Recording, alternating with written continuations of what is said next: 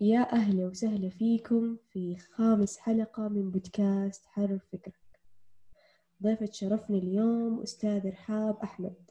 حتكلمنا شوية عن مجالات العمل الحر وإيش هي وإيش هو مفهوم المجال العمل الحر بشكل عام. في البداية حابين نعرف مين هي رحاب أحمد. أستاذ رحاب تقدر تعرفينا ولو بكلمة عن نفسك؟ أنا رحاب أحمد. أنا دارسة بكالوريوس إعلام علاقات عامة وماجستير صحافة وإعلام رقمي. آه بشتغل في العمل الحر تقريبا بدأت بشكل متقطع تقريبا 2009 بعدين رجعت وظيفة. آه فكان شغلي في العمل في العمل الحر متقطع بسبب إنه كان في بعض التجارب السيئة اللي ممكن تبعد الشخص عن العمل الحر. بس في النهاية استقريت وقررت إنه أنا أبدأ العمل الحر وأستمر فيه. آه تقريبا حاليا لي يمكن أكثر من عشر سنين في العمل الحر. ما شاء الله. واشتغلت في أكثر في أكثر من مجال. اشتغلت في التصميم سواء تصميم جرافيك أو تصميم المواقع. اشتغلت برضو كمان في في الصحافة. اشتغلت برضو في في مواضيع إذاعية. وبس تقريبا هذه الأشياء اللي أنا مهتمة فيها. إعلام رقمي وتصميم. طيب هل أنت تشوفي نفسك إنك أنت مثلا ح... حتكملي في المجال ده؟ مجال الحر بشكل يعني العمل الحر آه، يخليكي يخليكي تبدعي أكثر مو زي الوظيفة. الوظيفة حتخليكي تلتزمي بمهارات معينة وبمهام معينة. ممكن يكون عندك مهارات أكثر بس بسبب الوظيفة أنت ما أنت قادرة تستخدميها. مع الوقت هذه المهارات تختفي. فالعمل الحر يوميا بيعطيك فرصة إنك أنت تستخدم مهاراتك بالإضافة إنك أنت تتعلمي مهارات جديدة. طب تمام. طالما إحنا قاعدين نتكلم عن العمل الحر العمل الحر طب إيش هو أساسا مفهوم العمل الحر؟ العمل الحر هو أي عمل الشخص بيعمله بدون ما يكون هذا العمل آه، لصالح شركة أو مؤسسة أو أي شخص آخر. هذا العمل كله لصالح الشخص نفسه. هذا هو العمل الحر. كيف ممكن تعطيني مثال آه، لو شخص يبغى يبدأ مثلا عمل حر آه، بطريقة مرة بسيطة كيف يبدأ مثلا في هذا المجال؟ العمل الحر لكل لكل مجال أنا أشوف إن لكل مجال في خيارات كثيرة. يعني مثلا خلينا نقول مصور. لو المصور مثلا معاه كاميرته ممكن يروح يعمل جلسات تصوير ممكن يروح فعاليات ويصور. ممكن ما ما يحتاج إنه هو يطلع برا بيته ممكن من البيت يفتح الكاميرا ويعمل دورات تصوير. فالعمل الحر هو يعني مجال كبير مرة لدرجة إنه يعني ما تقدر إنك أنت تحصريه في مكان واحد. هو الموضوع كله متعلق بالفكرة اللي تبدأ منها العمل الحر.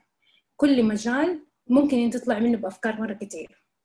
فالرسام ممكن يرسم أي حاجة ويهتم فيها ويعمل آه، معرض مثلا. في نفس الوقت يقدر برضه نفس الشيء يعلم. يقدر بس يفتح حساب على السوشيال ميديا وينزل رسماته. فالعمل الحر ما هو مقيد بفكرة معينة أو بشكل معين. طيب تمام. يعني اختصارا يعني كأنه له أكثر من مجال وهذا يعتبر على حسب كل شخص وإيش الشغف اللي هو يميل له أي بالضبط تمام برأيك هل المتطلبات يعني شيء أساسي للعمل الحر؟ يعني أي أحد ممكن هو يفتح ولا لازم يكون عنده مهارات تساعده عشان يعني يكمل في العمل الحر؟ العمل الحر أعتقد إنه هو يحتاج للمهارة الأساسية اللي أنت حتشتغلي بيها بعد كده بقية المهارات بسيطة.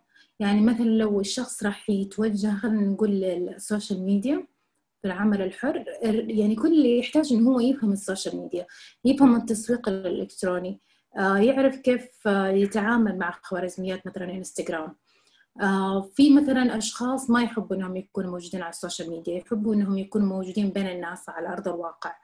فهذا الشخص ممكن يكون يحتاج مهارات زي مهارات آه، تكوين العلاقات مع الناس أو مثلا آه، تكون شخصيته جذابة للناس أو مثلا إذا هو يحب يعمل دورات على أرض الواقع يحتاج إنه هو يكون عنده مهارات الإلقاء مثلا.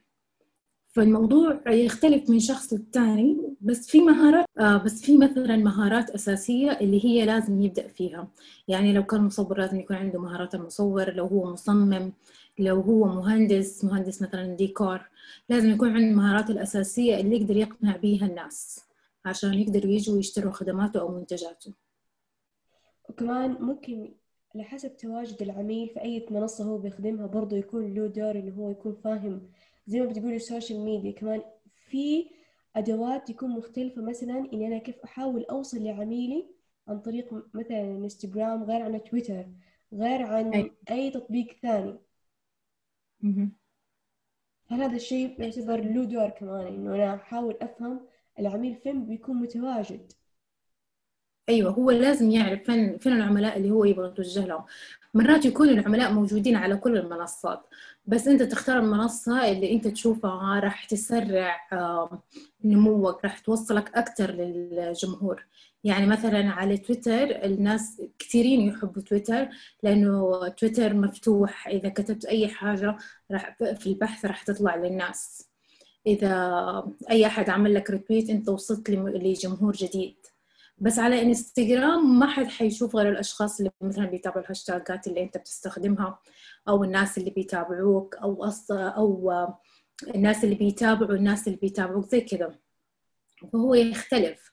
فكل منصة لها لها مهارات مختلفة لها أشياء مختلفة أنت لازم تعرفيها في طريقة التسويق والوصول للعملاء.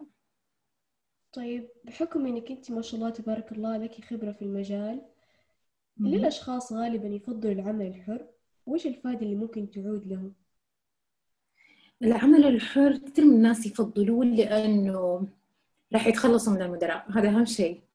دائما دائما الناس يفضلوا العمل الحر لأنه ما راح يكون في أحد يطلب منهم يعملوا مهام هم المدراء آه، لنفسهم رغم إنه يكون في نفس الشيء يعني نفس النظام في الوظيفة نفسه هو هو في العمل الحر في التعامل مع العملاء.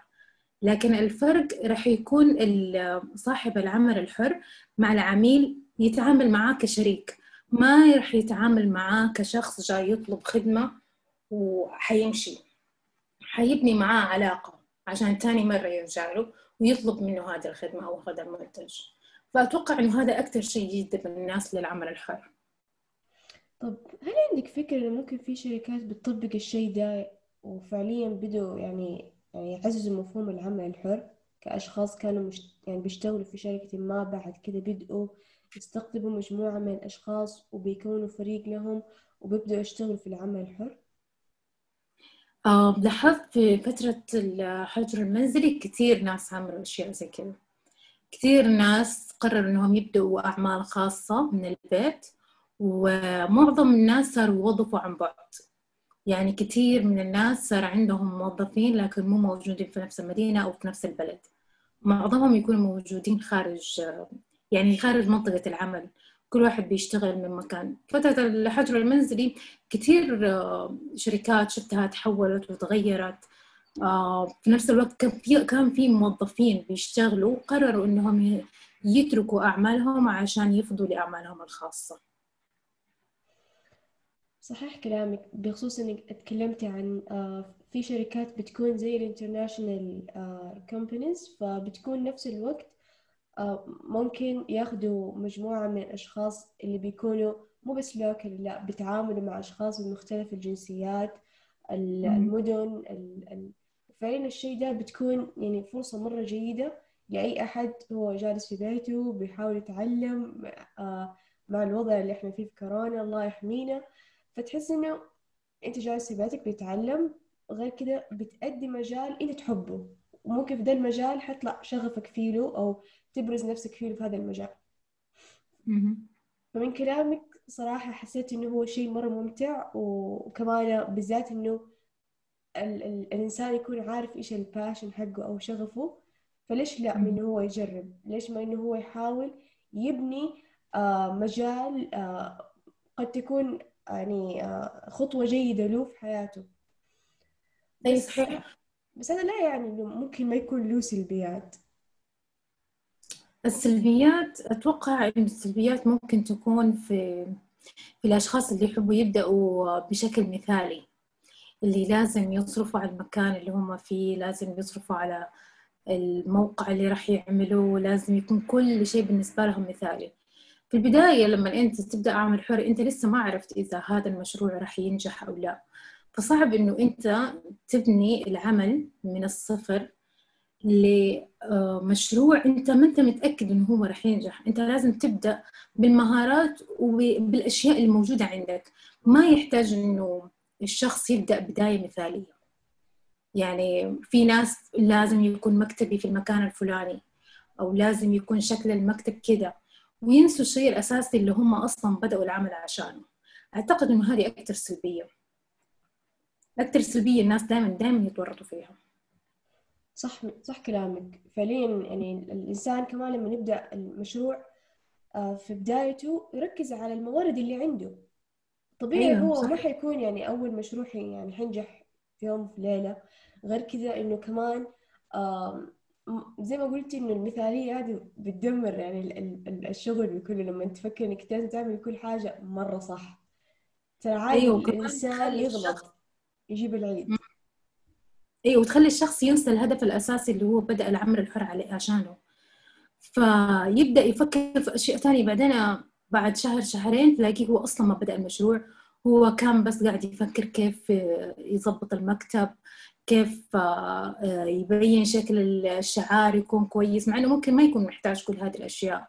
كان ممكن يبدأ بالمهارة الموجودة عنده ويبدأ خلاص يشتغل ويبدأ يعمل علاقات مع العملاء والعملاء يمكن من ثاني يوم يقدروا يجيله مجرد إعلان بسيط مجرد تصميم عادي يقدر يخليه إنه يوصل لعملاء كثير ويبدأ من ثاني يوم يدخل يعمل دخل لعمله. من غير هذه الأشياء كلها. طيب تمام. آه، إيش حابة تنصحي نصيحتك لكل شخص بيسمعنا أو راح يسمعنا إن شاء الله عن قرب؟ عن كيف إنه هو ممكن يكون آه، أو يبدأ مشروعه كعمل حر؟ وهو متردد أو هو خايف أو هو شايف إنه المجال ده ما هو مناسب له؟ أنا أشوف أكثر شيء آه، في العمل الحر يخليك تتأكد إنه هذا هذا المشروع ناجح أو هذا المشروع ما راح ينجح هو إنك أنت تبدأ تجربة. والتجربة ما راح يعني عادي تقدر تبدأ التجربة اليوم عادي بكرة بكرة تغير رأيك تبدأ في تجربة جديدة. الموضوع كله آه، ما يحتاج كل هذا الخوف أو كل هذا التردد خصوصا إنه دحين على الإنترنت كل شيء متاح. تقدر تعمل موقع مجاني تقدر تعمل صفحة على إنستغرام على تويتر بشكل مجاني. فالموضوع يعني ما ما يحتاج كل هذا الخوف وكل هذا التردد. ابدأ واعرف واعرف إذا أنت حتنجح أو لا. وأهم شيء اعتمد على المهارات الموجودة عندك. إذا في مهارة أنت حاسس إنه ممكن هذه المهارة حتكون عائق لأنك أنت ما تعرفها الإنترنت مليان دورات تدريبية. تقدر تتعلم هذه المهارة وتبدأ. يعني مرة ما راح تخسر حاجة إذا أنت جربت وخسرت أو جربت ونجحت ممكن تنجح. يمكن يكون هذا الشيء هو اللي حيخليك تكون شخص ناجح في مجتمعك. صحيح أتفق معك في هذه النقطة. طيب قبل ما إحنا نختم صراحة مرة حابة أشكرك أستاذ رحاب إنك قبلت استضافتي وفعلا مرة استفدت منك. وأتمنى الكل بعد ما بعد ما نختم البودكاست اسمع البودكاست واستفيد منه. لأنه فعليا أنا بحاول قد ما أقدر أنشر الوعي وأساعد الناس بصحح مفاهيم خاطئة الناس ماشية على مسلمات أو قالب واحد. فلو إحنا فكرنا فيه ترى العمل الحر ما هو بس بيكون ماشي على مجال واحد. أو مو بس إنه الإنسان اللي حابب يكون أو إنه ما هو ما هو حابب يمشي بطريقة تقليدية خاص حابب إنه هو يمشي بنظام هو يحبه أو عنده مهارات. لا ترى هو الفكرة ما هي كده هي في ستيب في خطوات إنك أنت تكون مهيئ إنك أنت تفتح لك مشروع ولا لا. ثاني مرة مرة شكرا. الله يعطيك ألف ألف عافية. العفو أنا تشرفت بمعرفتك وتشرفت إني أنا موجودة في هذا البودكاست بودكاست حرر فكرك. الله يسعدك يا رب. نراكم نراك على خير بإذن الله. إن شاء الله بإذن الله.